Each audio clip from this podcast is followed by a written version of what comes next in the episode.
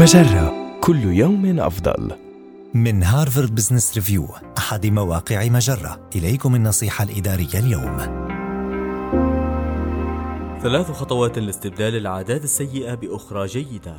يعد التخلص من العادات السيئة أمرا صعبا، ونعرف جميعنا ذلك، فالجميع يواجه صعوبة في السيطرة على ذاته واتخاذ قرار استبدال العادات السيئة بأخرى جيدة، لكن يجب تغيير تلك العادات. وهنا نقدم لك كيفية التغلب على العادات التي قد تعيق تحقيقك النجاحات. تعتبر الخطوة الأولى للتخلص من أي عادة هي معرفة مسبباتها، وبمجرد معرفة المسببات التي تدفعك لفعل هذه العادة، حاول تحديد السلوكيات التي تنخرط فيها عندما تخرج عن السيطرة. يجب أن تكون قادرا على تحديد التصرفات التي تلجأ إليها من أجل الشعور بالراحة أو السكينة قبل أن تتمكن من تقييم قيمة المكافآت المرتبطة بها. الخطوة التالية هي الربط بين السلوك والنتيجة بوضوح.